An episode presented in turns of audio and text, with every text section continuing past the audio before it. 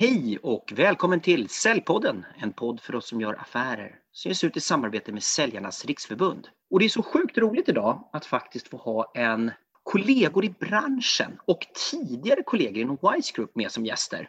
Jag har nämligen bjudit in Helena och Johanna till podden som driver Säljmorsorna. Välkomna tjejer!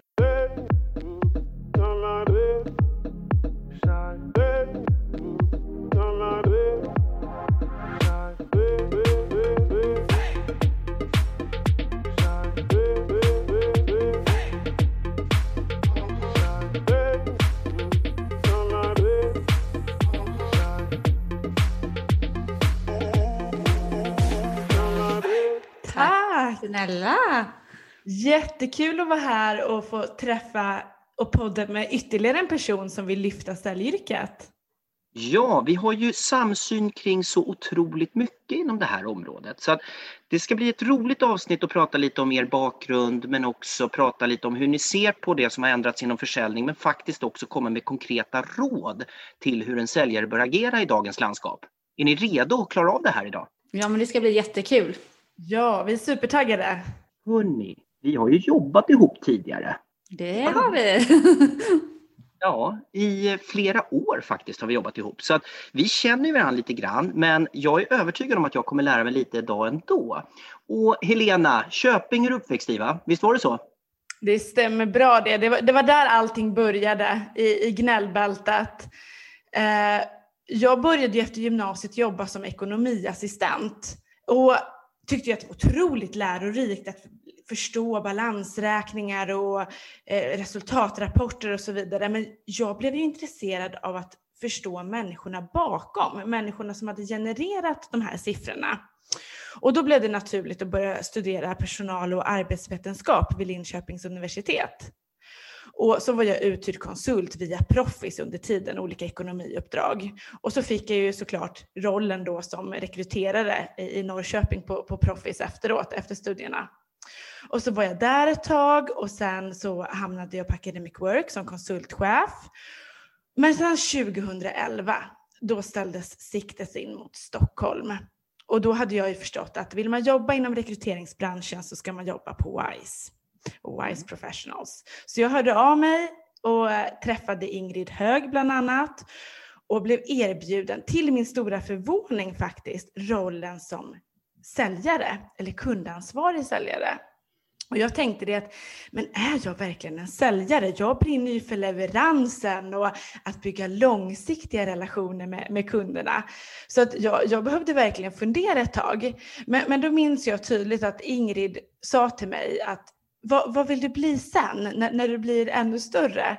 Och då sa jag det, ja men det, det är klart att det finns en ambition om att eh, driva eget en dag eller att bli företagsledare. Och då sa hon det att då är det så otroligt viktigt att du behärskar grunderna inom försäljning. Så att jag tackade ja till rollen som säljare och det var en, ett tufft första år måste jag säga.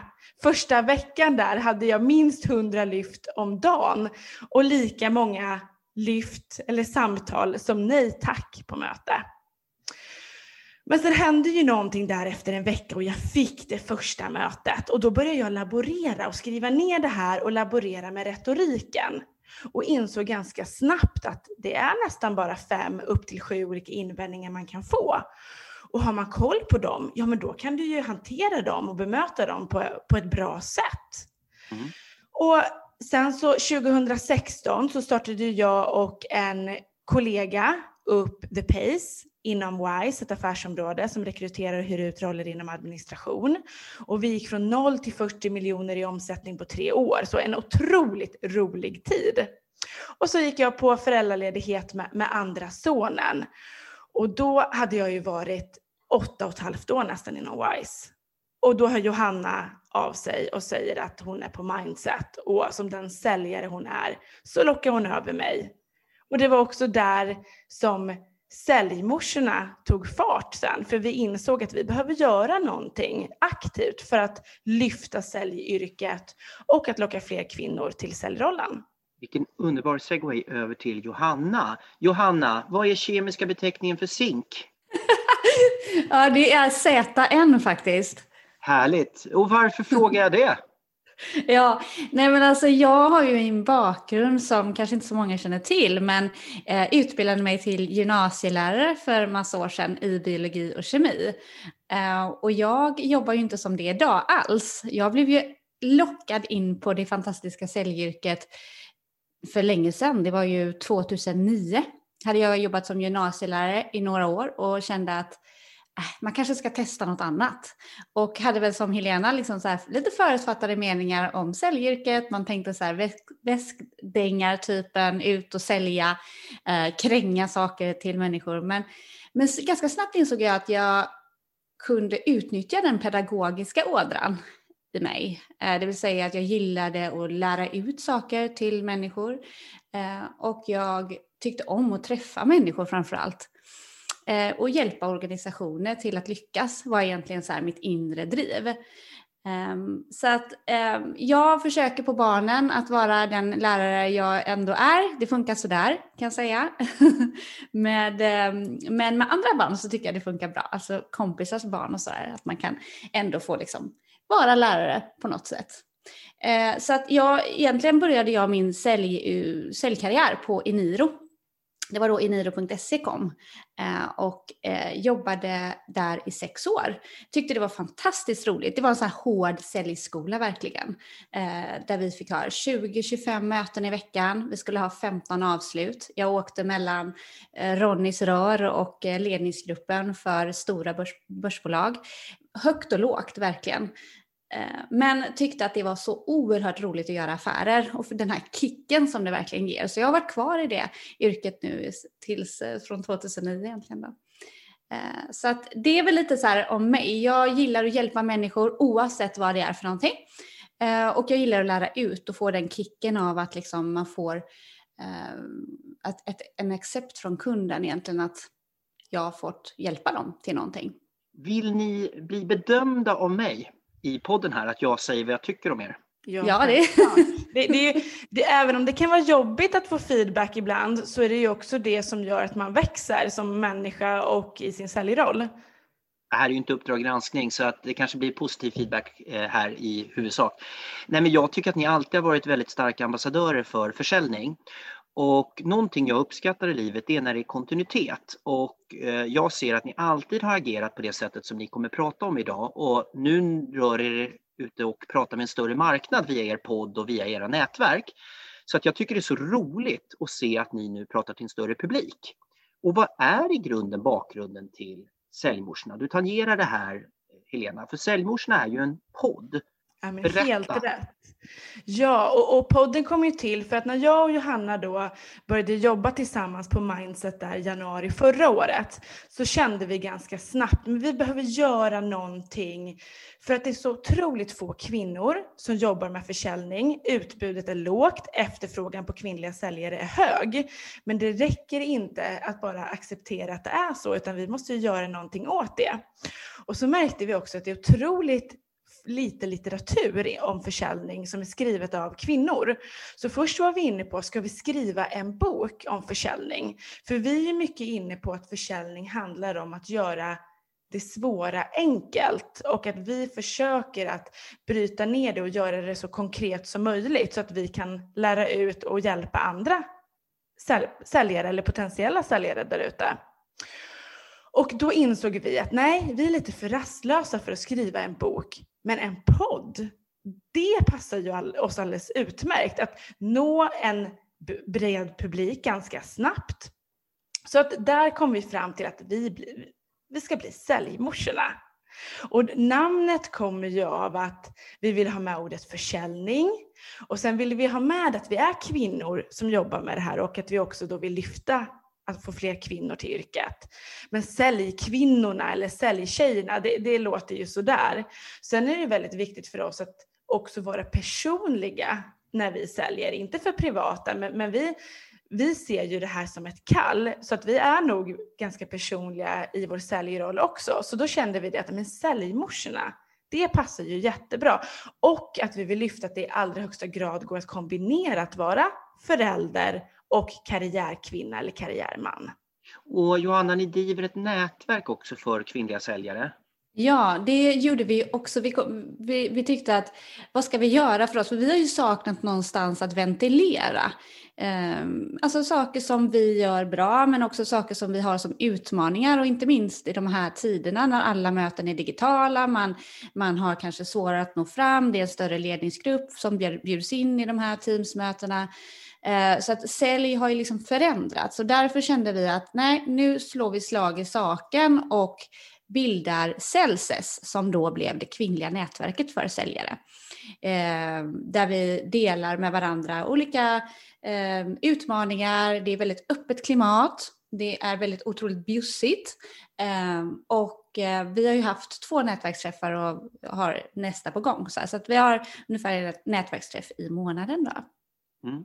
Hur har mottagandet varit Johanna av den här satsningen på på ja, otroligt positivt. Alltså otroligt positivt. Jättemånga som så här, och även, även killar såklart, att vad roligt, när kommer säljfarserna eller när kommer det nätverket för, för manliga säljare? Och det kanske vi är på gång liksom. Men vi börjar någonstans där vi, där vi själva är och står. Så att vi är över 150 medlemmar idag i vårt kvinnliga nätverk Celsius och vi finns ju på LinkedIn så att eh, det är jättekul.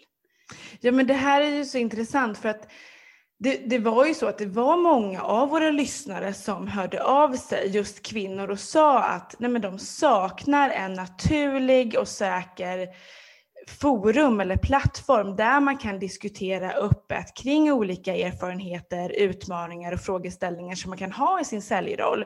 Och de upplever, många av dem, att det inte finns naturligt i det säljteam som de, eller den säljorganisation som de ingår i. Eh, och, och, där är det ganska intressant för vi är ju väldigt måna om, jag och Johanna, att inte säga att män eller kvinnor är bättre säljare, utan vi menar ju på att både män och kvinnor behövs som säljare för att också skapa bättre dynamik i säljorganisationerna.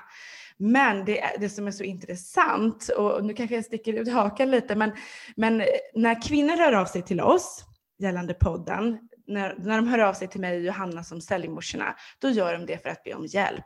Hur kan de bli bättre i sin roll? Eh, och oftast ber de om, om väldigt konkret feedback. Men när män hör av sig så är det antingen för att ge lite hurrarop och tycker att det är bra att vi satsar på podden och att det är ett bra initiativ. Eh, eller för att de själva vill vara med i vår podd.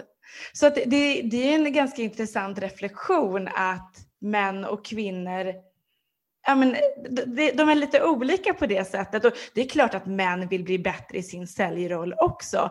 Men, men jag tror kvinnor generellt, om jag får generalisera just, är bättre på att fråga om hjälp för att bli bättre. Där tror vi liksom att det är Alltså där, där kan vi göra skillnad. Det är ju många som är ensamma i säljorganisationen idag eller att det är ett ganska ensamt jobb för att man är ute hos sina kunder hela tiden. Men kan vi då lyfta det här att man ses på någon i en plattform så tror vi att vi har större eh, chans att lyckas tillsammans. Så det är ju lite det vi vill skapa. Eh, och eh, Nej men alltså att det, det, är så roligt att ha det här nätverket, det är det jag vill säga. För att någonstans så måste man ju börja med där man är själv och där man själv känner att jag själv, själv känner att jag inte haft några kvinnliga förebilder inom sälj. Och där tror jag att det är många som kanske känner att ah, äntligen är det någon som, liksom, som, som går som språkrör ut i det kvinnliga säljet. Uh, och där, det är ju liksom vårt mål egentligen Helena, att locka fler och få Eh, fler kvinnor som kanske jobbar med service i någon utsträckning eller som så inte har tänkt på säljyrket som en språngbräda ut i organisationerna. Att få dem att verkligen så nej men det, det låter kul för det har vi hört Helena och Johanna prata om. Och hur det går att kombinera och hur fritt det arbetet ändå är.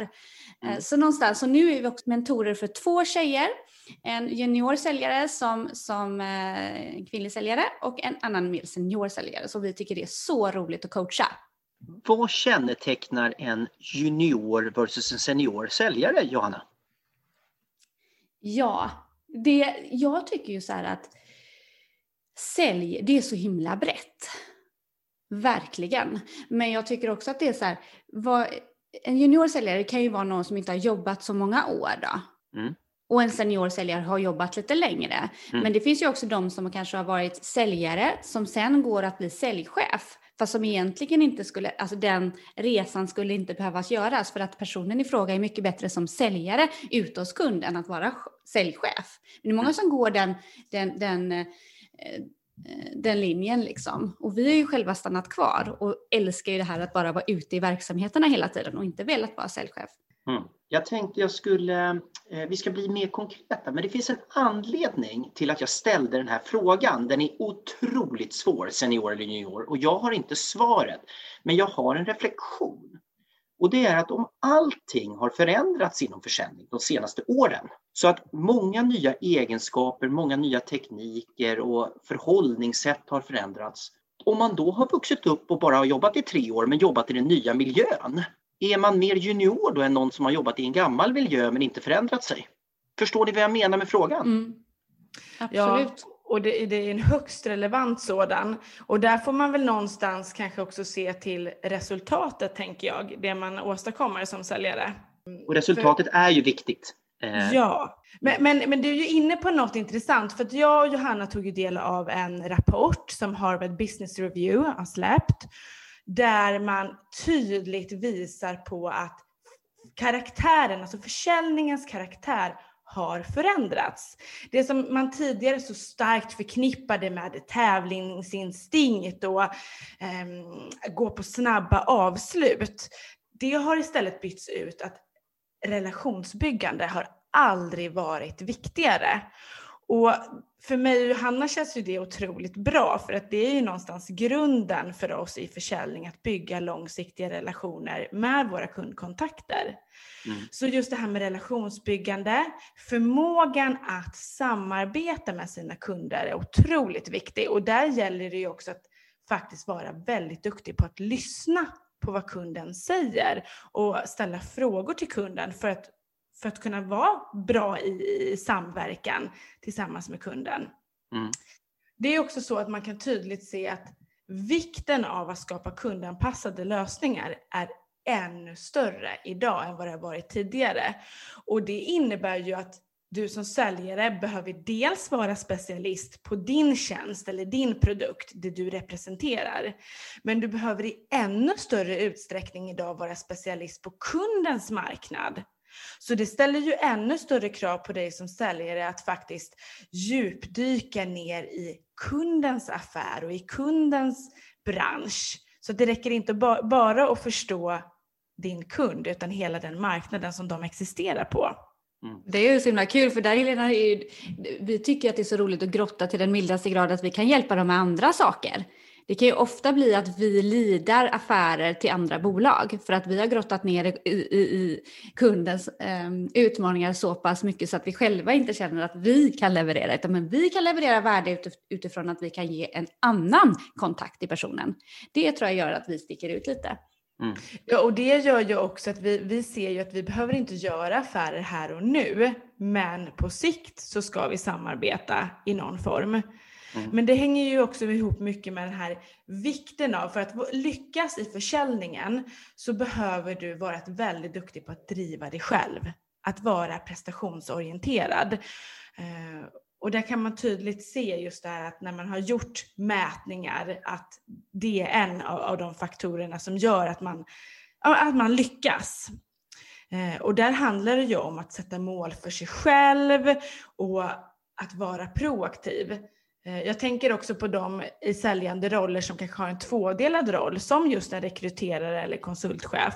Att du sätter av tid i kalendern att faktiskt boka möten, ha proaktiva kundmöten, så att, så att man inte fastnar i leveransen. Mm. Och Tittar man då på de punkter du tar upp som har, där, föränd, där försäljningen har förändrats lite grann, då, då är det just att relationsbyggandet har blivit eh, viktigare än någonsin att ha förmåga att samarbeta med kunden, att generera kundanpassade lösningar och att faktiskt var, lägga fokus på prestationsorienteringen. Det är de fyra punkter du lyfter där, Helena. Ja, men precis. Och sen så är det då en femte i att hela tiden jobba med att kunna förbättra sitt resultat. Mm. Mm. Och, och, och, det ligger ju också någonting i varför vi har skapat Celsius som är vårt nätverk för kvinnliga säljare. För hur ska du kunna förbättra ditt resultat? Jo, men då behöver du reflektera kring din egna insats. Vad gör jag som är bra? Men du måste också komma ner i vad gör du som är mindre bra? Vad var det du sa? När tappade du affären i mötet? För att jag upplever att det är, ba, det är bara du som säljare som avgör om du får affären eller inte. Det är inte yttre omständigheter och faktorer. Så att jag kan ibland höra personer som skyller ifrån sig eh, och jag jobbar med mig själv där, att faktiskt inte lägga över ansvaret på att nej men kunden hade inget behov. För att kunden tog ju sig ändå tid att träffa mig. Så någonstans fanns det ju från kunden en, en tanke kring varför vi träffas. Så att för jobba med att förbättra ditt resultat och inse att det är du som kan göra hela skillnaden för kunden. Mm. Och där blir det också väldigt viktigt att, eh, ja, att, att tänka att för varje nej är du ett steg närmare ett ja. Så att man måste jobba ganska mycket med rätt mental inställning och där är ju Johanna väldigt duktig. Men jobbar man med långsiktiga relationer så är ju det A och O att man hela tiden inte bara ser de här affärerna som till exempel på Eniro där man skulle ha 15 avslut i veckan. Jobbar man med längre, längre psyk, säljcykler så måste man hitta de här små kickarna hela tiden för att driva sig själv vidare. Mm. Eh, jag beklagar om det kom något litet ljud in i poddinspelningen där. Men Johanna, eh, en reflektion innan vi går in och blir ännu mer konkreta. Och det är kopplat till cross-selling. Det är ju ett område som du är väldigt familjär med. Vi jobbade ju väldigt hårt med din Wise Group och det var ju faktiskt en extrem framgångsfaktor inom den koncernen. Men det som jag upplever nu och det ni lyfter, det handlar om cross-selling beyond borders på något vis. Det handlar om att vara ute och träffa en kund och ibland kanske man genererar affärer till någon i nätverket längre bort, inte ens på det egna bolaget utan en väldigt stark kundorientering just för att stärka relationen med kunden. Alltså mindset någonstans. Jag ska hjälpa den här kunden även om det inte är jag som kan leverera just nu eller sälja. Är det så, jag, är det så du tänker där? Ja, jag tänker så. Definitivt. Mm. Det där tror jag är eh, ganska, en del kan uppleva sånt här som lite teoretiskt, men det där är väldigt konkret. Det är ett väldigt konkret sätt att tänka. Jag ska inte lämna det här mötet utan att ha skapat ett värde eh, på något vis, via en rekommendation eller via att jag själv har sålt. Ja. eller vad det nu kan vara. Ja. Eh, jag tänker vi ska gå in på några konkreta saker som skulle kunna göra försäljningen roligt och där man faktiskt kan jobba lite smartare.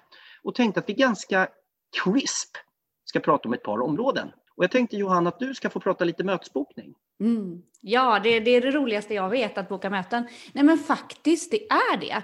För att jag ser ju så här att jag sätter alltid upp ett mål för veckan. Hur många möten ska jag boka? Det är oerhört skönt att ha en full pipe av möten. Och för att göra det så brukar jag faktiskt bjuda med mig eh, Helena i, som en som mötesbokar-buddy. Eller så sätter jag, avsätter jag tid i kalendern där jag liksom peppar igång. Nu ska jag boka möten. Och då kan man ju reflektera till vilka är bra tider att boka möten på. Är måndag en bra dag? Kanske inte. Och så vidare. Så att jag sätter upp liksom, jag, jag testar också och failar jag så, så tänker jag så här, nej men då, då tar jag en annan tid för mötesbokning. Mm. Eh, och när man bokar möten, man kan preppa det innan. Jag försöker kanske att titta på personen på LinkedIn. Är det ett liksom, kallt, alltså jag känner inte personen sedan innan, så eh, behöver jag ta reda på lite mer för att vara lite extra krispig i mitt samtal. Um, och mail följer upp, antingen är det mail eller så är det samtal. Jag upplever ju också att samtal har blivit så viktigt nu. Eh, det är många fler som svarar, man blir glad av att man ringer, får ett samtal när man sitter hemma och jobbar. Eh, så det är enklare, det är roligare att, att prata med kunder i telefon idag. Mm. Eh, så, när man bryter av deras digitala möten i övrigt. Mm. Så mål, hur många möten ska jag boka den här veckan? Sätt upp, liksom så här, vad, vad, vad gör jag om, om jag bokar så här många? Firar jag det på något sätt. Det är viktigt att känna den moroten, liksom, att nu har jag gjort det här och jag gjorde det här så här bra. Och reflektera, vad var det som inte fungerade? Så avsätta ja, där... tid i kalendern för att ringa. Eh, kunderna vill gärna ha det här samtalet, speciellt i dessa tider. Jobba med ett uppföljningsmail. Gärna titta på profilen du ringer på LinkedIn så kanske de har någon form av igenkänningsfaktor. Och jag vill bara nämna en sak här att många av mina kunder och även jag kan ibland få mellan 150 och 300 mejl eller in-mails eller meddelanden med olika digitala plattformar varje dag. Det är inte lättare för mig att tvingas besvara dem än att ta ett samtal på två minuter. Så man stör inte mig mer när man ringer än när man skickar ett mejl på 350 rader och presenterar sin produkt. Jag vill bara lyfta det som en reflektion från min sida. Ja, absolut. Och jag vill dela någonting, jag vet inte om du minns det här Ken, men vi hade ringtime en fredag och, och, du gick runt där i, i landskapet och, och pratade väl också i telefon, men du har ju förmågan att multitaska. Så, så du överhörde ett samtal som, där jag försökte boka ett kallt möte. Och då hade jag ju fått två invändningar som jag besvarat, men den här personen ville ändå inte ta sig tid eh, att träffas. Eller såg inte ett värde i att träffas just nu. Och då säger jag, eh, men jag kan inte få locka med en liten lunch. Och det jag, så formulerar jag mig aldrig igen. För att då sa du så här, vilket bra samtal du hade nyss, men jag vill ge dig lite feedback. Byt ut så att du istället för, så att upplevelsen blir att du erbjuder lunchen, att det är som ett helt nytt förslag. Så att du istället säger, jag förstår vad du säger. Låt oss istället träffas för en lunch. Då blir det något helt annat. Jag gjorde ju ett fel, jag fick med ordet men och inte när jag försökte få till den här lunchen. Men att istället då liksom, bekräfta, och jag förstår, du har inte tid just nu.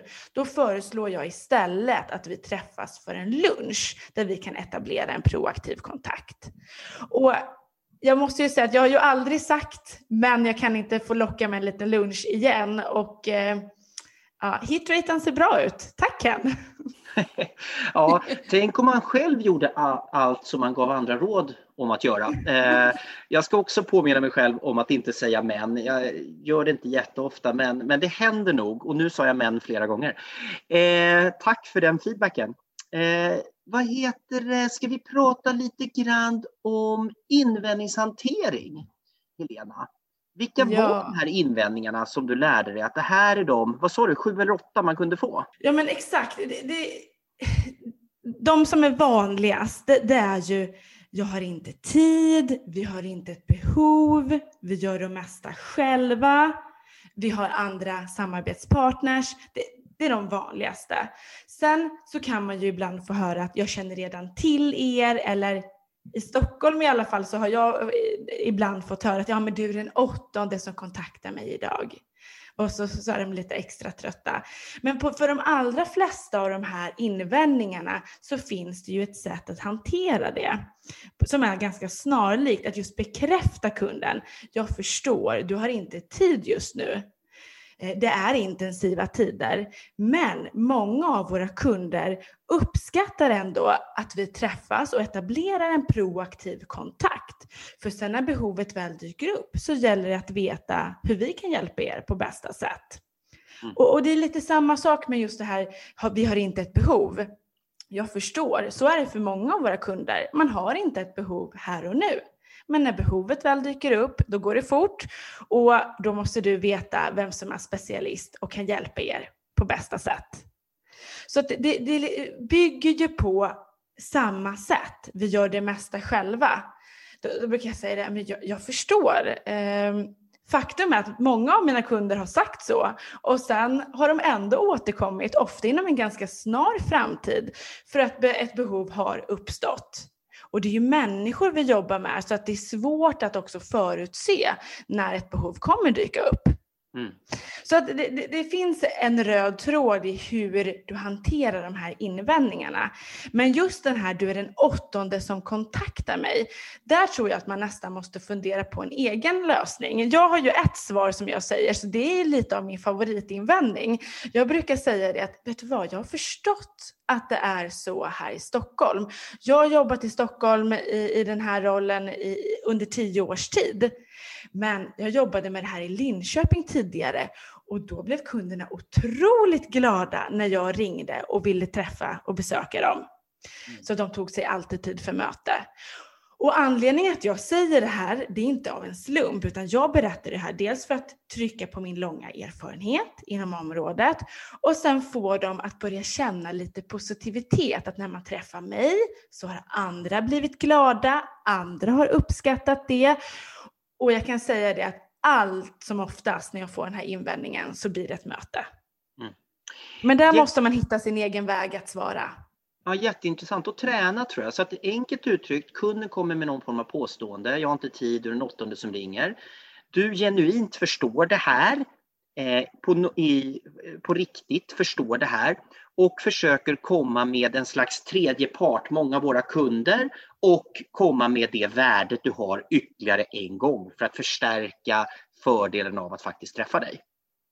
Precis. Och där är det ju viktigt att inte försöka sälja hela din tjänst utan kunden ska ju förstå värdet av att träffa dig. Så sälj in värdet av ett möte med dig och inte berätta allt om tjänsten. För att det är så lätt att vilja berätta lite för mycket och sen så har samtalet blivit för långt och då leder det aldrig till ett möte.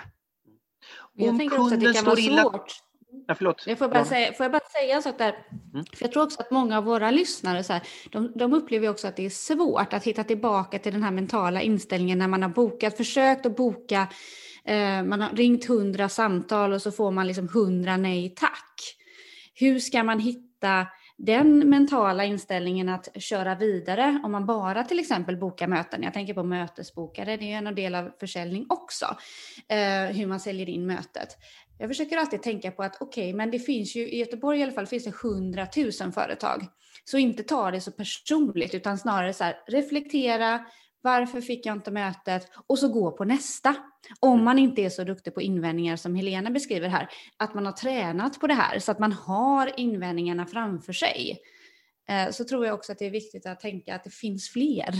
Mm. Alltså hitta det själv i sitt eget mindset. Jag tror att jag, jag försöker ju tänka så här, vilka vill jag samarbeta med? Är de, är de otrevliga liksom när jag ringer så kanske inte jag vill träffa dem ändå. Då blir det ju någonstans min mina värderingar som inte speglas med kundens värderingar. Så någonstans att hitta sitt eget. Vad är viktigt för mig? Vill jag verkligen boka den här, det här mötet, då är det viktigt att träna på det. Och träna på, anna, på en annan person. Ring en vän eller din partner eller vad som helst och försök boka mötet. Mm. Så låter ja, honom vara den jobbiga, eller henne vara den jobbiga kunden då, som inte vill ta det här mötet. För det har vi tränat på. Helena och jag gör ju rollspel ibland. Det är jättekul. Och så bokar vi ett möte och så är vi jättejobbig kund. Um, och så säger vi så här, ah, men det, där kunde du sagt det. Mm. Jättebra ja, och, råd. Och någonting som är väldigt tydligt är att de bästa mötesbokarna har ju sitt manus nedskrivet. Och det handlar ju absolut inte om att du ska läsa till. För jag tror alla vi har fått säljare som har ringt till oss där man uppenbart hör att de läser till. Men du ska kunna det som ett rinnande vatten och för att skapa den här extra tryggheten så har du manuset precis bredvid dig så att du kan snegla på det om du nästan tappar av, kommer av dig eller tappar fokus så, så har du det som en trygghet. Så jag slår också ett starkt slag för att ha ett manus nedskrivet. En sista fråga kring det här. Om ni hör att kunden är upptagen när ni ringer, vad gör ni då? Ja, då skulle jag fråga om jag, är det okej okay om jag ringer en annan tid, att man bokar upp ett, ett, ett, ett, en tid för att jag kan ringa, så skulle jag hantera det. Mm. Um, jag skulle inte hålla på och säga att jag kan fatta mig kort och så, det är, det är inte riktigt min, uh, det har inte riktigt funkat för mig. Eh, men man, jag tror att man ska hitta det sättet som är bäst, men alltid att lyssna på kunden. Jag frågar kanske inte alltid om de har tid, men jag märker ju att kunden är väldigt upptagen eller att de har svarat i telefonen och sitter i ett annat möte, så försöker jag säga så här, är det okej okay om jag återkommer klockan ett? Funkar det? Mm. Ja, för ibland så kan ju jag säga det, nu hör jag att jag ringer vid ett illa valt tillfälle, så kan jag säga, men det är väldigt sällan jag, jag ger som en öppningsline eh, stör jag? För att jag känner ju att jag, jag, jag, ringer ju inte och stör för jag kommer ju generera ett värde till kunden. Eh, men, men, det är klart att hör jag att kunden är ofokuserad då, då, kan jag nog säga det att vet du, jag, kan, jag kan återkomma till, till dig när du har, eh, har tid för det här samtalet. Men jag vill också säga det att jag tycker att ibland att det kan vara värt att försöka gå och boka mötet, gå på mötes, liksom, äh, trycka för, för mötet ändå. För att du kan ringa tillbaka om en vecka igen och kunden har inte, kom, kommer inte ihåg att du har ringt.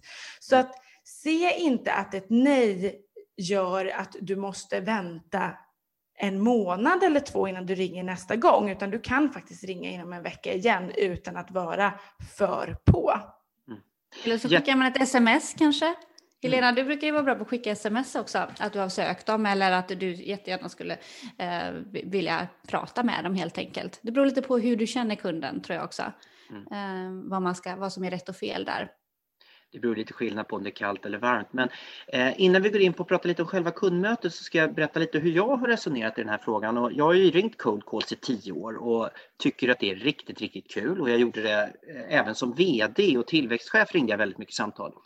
Nummer ett i mitt mindset är att jag tänker att jag kommer inte ha 100% hitrate, vilket gör att jag blir inte nedslagen, utan jag konstaterar bara att okej, okay, Eh, varje samtal som kan ge någonting, att jag överhuvudtaget har lyft luren, har fört mig framåt på resan mot ett möte. Om vi nu har lyckats boka det här mötet så är det dags att gå på mötet. Vad bör vi tänka på? Johanna? Ja, det roligaste är ju mötet såklart. Alltså det är ju absolut det roligaste vi har att, att göra ett möte. Men absolut kunden måste prata 70 procent anser vi. Eh, och verkligen lyssna på kunden. Lyssna aktivt och, och, och vara tyst. Det är jätteviktigt att du inte hela tiden flikar in. Så att våga ställa frågor, givetvis. Behovsanalysen, mm, den måste vi träna på. Där måste vi liksom ha förberett frågor tycker jag. Ehm, så att vi kan ställa relevanta frågor så att det inte blir så här onödiga frågor i behovsanalysen. Där gäller det att inte gå in på hur vi kan erbjuda någonting för kunden direkt. Det där är många, det är många gånger man kan göra fel där. Så att man, liksom, man blir så, åh, det, så, det kliar i fingrarna för man ser ju behovet och man vill liksom sälja sin tjänst eller produkt. Men vänta så att du gör en ordentlig behovsanalys så att du kan skapa din presentation sen utifrån vad kunden faktiskt har sagt. Mm. Men för nu, nu hoppade ju du över lite det som, för du, ja.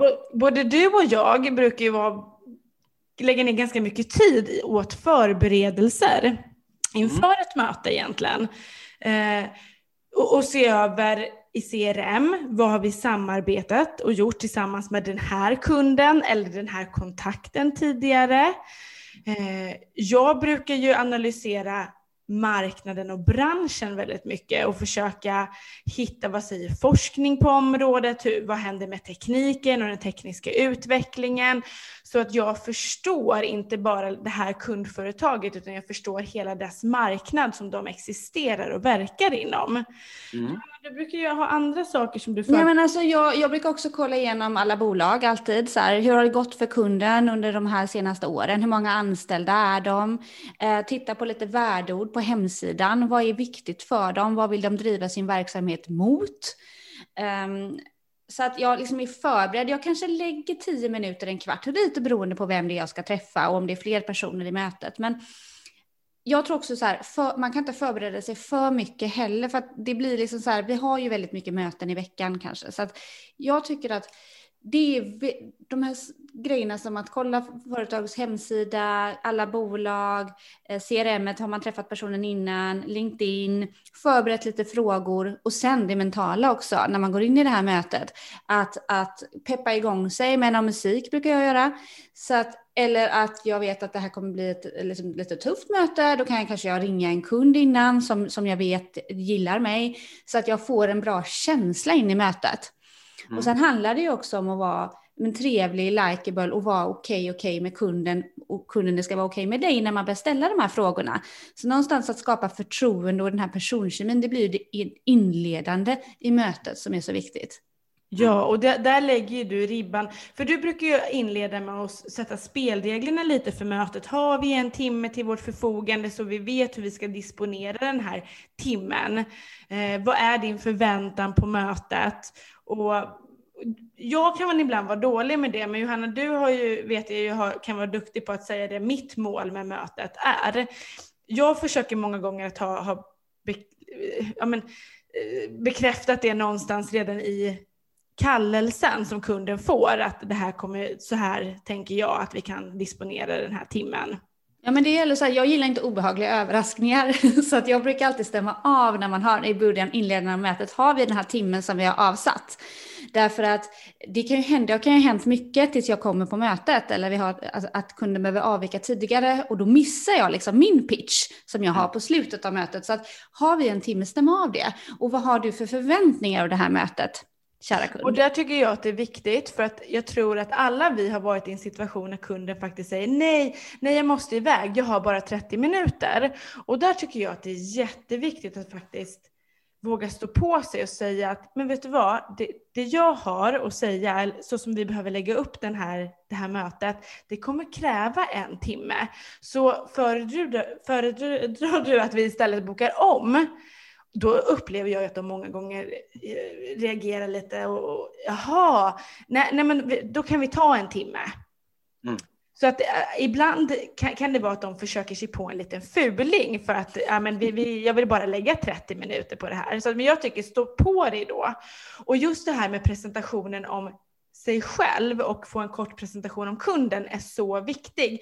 Det är så lätt när man kommer från kaffemaskinen och man diskuterar någonting trevligt eller du har ett virtuellt möte och du har börjat diskutera covid eller något annat och sen vips är du in i behovsanalysen. Backa bandet då och våga säga att vi har ju inte träffats tidigare. Jag skulle gärna vilja att vi, vi har en kort presentation om, om vilka vi är och om våra roller. Jag kan börja.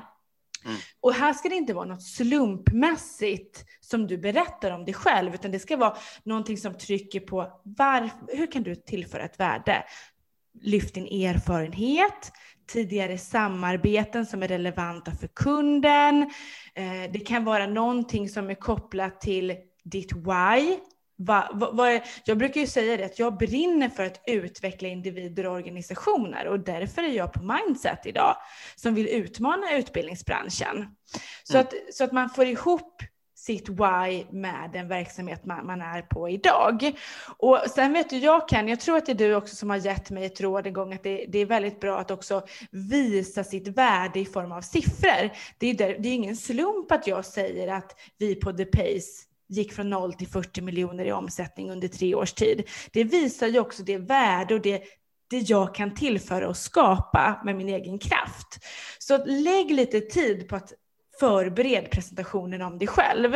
Hanna, du har ju också ett sätt, så som du brukar fråga om affären i slutet av mötet. Ja, det är alltså det minsta jag tänker att om inte kunden har ett behov nu, men ändå ser att det i framtiden kan finnas ett behov, men eller så har de inte ens det, att man har träffat liksom att, att, det inte, att det, vi kommer inte att samarbeta. Och det minsta möjliga jag ska komma därifrån med det är om det finns någon annan i deras, nätverk som de tror är relevant för mig mm. att träffa. Så det är liksom det minsta jag ska få från ett möte, som jag brukar alltid tänka. Ja. Sen tycker jag det finns utmaningar med de digitala mötena, för att vi var ju lite sådär, um, det har vi ju allihopa nu, liksom ett digitala möten. Och, och gör man någonting annorlunda idag? Men jag tycker det, för att det är ju mycket så här att man måste ju guida kunden hela tiden. Det är ju du som driver mötet, så att har kunden inte kameran på, berätta att, att eh, jag kommer att ha kameran på redan i, liksom, i, i, ditt, i din agenda. Um, stämma av att ni hör varandra, flytta kunden upp så att du får ögonkontakt. det är väldigt viktigt att du får ögonkontakt med kunden. Det behöver inte vara hela tiden att du ska stirra in i kameralinsen, men någon gång då och då. Uh, och tappa inte fokus, det tycker jag är väldigt viktigt, att man liksom inte multitaskar. Nej, för jag, bara kolla massa mejl och så. Vi har tagit del av att 80 procent av alla som har digitala möten multitaskar. Och det innebär ju att du behöver öka interaktiviteten som säljare i ditt kundmöte. Så att eh, ställa bra frågor så att kunden svarar på dem. Men sen när du sen ska hålla i företagspresentationen att du gärna visar en visuell presentation men också ställer frågor så att kunden liksom får ja, att du märker av att kunden faktiskt är fokuserad i det mm. här mötet, på det här samtalet. Så att du mm. inte tappar tråden. Eh, vad är det mer vi, vi brukar säga om virtuella möten? Ja, för du var ju inne på det Johanna, att redan i kallelsen säga till kunden att jag kommer ha kameran på. Och jag hoppas att du också kommer ha det. För det är otroligt svårt att ha ett kundmöte utan att se kunden. Ja, men sen är det ju det här dela skärm tycker jag är bra, så att man får interaktiviteten och, och att, att uh, prata med kunden utifrån namn också, för det är svårt när man har det digitala möten. När man är och ser dem så är det mycket trevligare att träffa dem fysiskt, men man får faktiskt jobba med att, att är det flera i mötet, att vad tycker du eh, Pelle eller Anna eller sådär, så att man jobbar lite mer med namnet tycker jag är ett bra tips. Mm. Jättebra. Vi har fått konkreta råd kring mötesbokning, invändningshantering och faktiskt driva både fysiska och digitala möten. Och om man tittar på själva mötet här, som jag uppfattar det rätt, så förberedelse, läs på om personen ni ska träffa, läs på om företaget så att ni tar det på allvar, läs på om branschen. När ni kommer in, missa inte intropitchen eller man, introduktionen där ni sätter agendan, talar om vad ni vill med mötet, hur länge har vi för mötet och framför allt varför är jag en trusted advisor? Vad har jag för bakgrund och erfarenhet inom det här området? Sen går vi in på behovsinventeringen eller vad vi kallar den, frågetekniker och allting som ska stå för nästan 70 procent av mötet. 30 minuter säger ni specifikt. Jag tycker det låter rimligt i ett entimmas möte. Sen en skräddarsydd presentation kopplat till vad kunden faktiskt sa, så att man ställer frågor, lyssnar och sen svarar på det kunden faktiskt sa. Och sen avslutar mötet med att hantera köpsignaler, avslutsteknik och nästa steg. Och nästa steg kan vara att få affären, alternativt så handlar det om att få ett namn till kanske som man kan få prata med. Det var så du uttryckte det, Hanna, eller hur? Ja, precis. Summerar jag det här korrekt? Ja, Jättebra. Jag tycker det, det, det, är precis det här som vi, hur vi jobbar på det här hela tiden. Men också att vi kan utvecklas. Vi kan träna på det här. Ingen är bäst från början. Nej men exakt och just det här också att får vi inte ens ett namn till så ska det vara tydligt satt när ska vi höras av nästa gång. Så att det åtminstone blir att du bokar ett möte eller en kontakt för ett nästa steg i mötet. Så att det, du, det är så lätt att springa iväg från det där mötet och så vet du inte när ni ska höras av igen. Och låt det inte gå allt för lång tid, utan säger kunden, ja men vi kan höras om ett halvår igen. Då tycker jag att du kan vara tydlig mot kunden och säga det, vet du vad, jag, jag vet av erfarenhet att efter ett halvår, då, då rinner det oftast ut i sanden. Så jag föreslår istället att jag kommer höra av mig till dig om en månad eller två. Så att våga ta lite kommandot då om, om kunden vill att ni ska dra ut på det väldigt långt innan nästa kontakt. Ja, och boka möte i mötet så slipper du hålla på med mötesboka race hela tiden. Om du har full pipe eh, så, så det, det förespråkar ju vi. Jättebra. Respektera din egen tid. Har du lagt massor med tid på att ta dig till ett kundmöte, oavsett om digitalt eller fysiskt, se till att ha ett tydligt nästa steg och boka mötet i mötet. Jättebra tips. Eh, jag tänker att vi ska runda av. Jag vet att Johanna ska på ett kundmöte och sälja. Jag tar för givet att jag får ett sms efter där du skriver vad nästa steg blir. Ja, det kommer jag göra. Det ser jag fram emot. Och i något tillfälle framöver skulle jag vilja prata om det här som ni pratar ofta om, som handlar om sälj där du står, vilket handlar om mycket om nätverk faktiskt. Och det där får vi ta vid något annat tillfälle. Eh, men det är väldigt, väldigt viktigt i dagens nätverkssamhälle att vi faktiskt utnyttjar nätverket maximalt. Eh, oavsett om nätverket finns på LinkedIn eller i telefonboken eller om det är grannen. Eh, men det där tar vi någon annan gång. Gärna. Stort tack för att ni var med idag. Det var superkul att ha er med. Eh, och Johanna, ut och sälj nu. Ja, det ska jag. Helena, jag förstår inte varför du inte ska på ett kundmöte, men eh, sätt dig och boka. Självklart. Tack Ken. Härligt. Tack snälla för att vi fick vara med. Kör hårt och tack alla lyssnare för att ni har lyssnat till Säljpodden, en podd för oss som gör affärer. Ha det gott. Hej! Hej!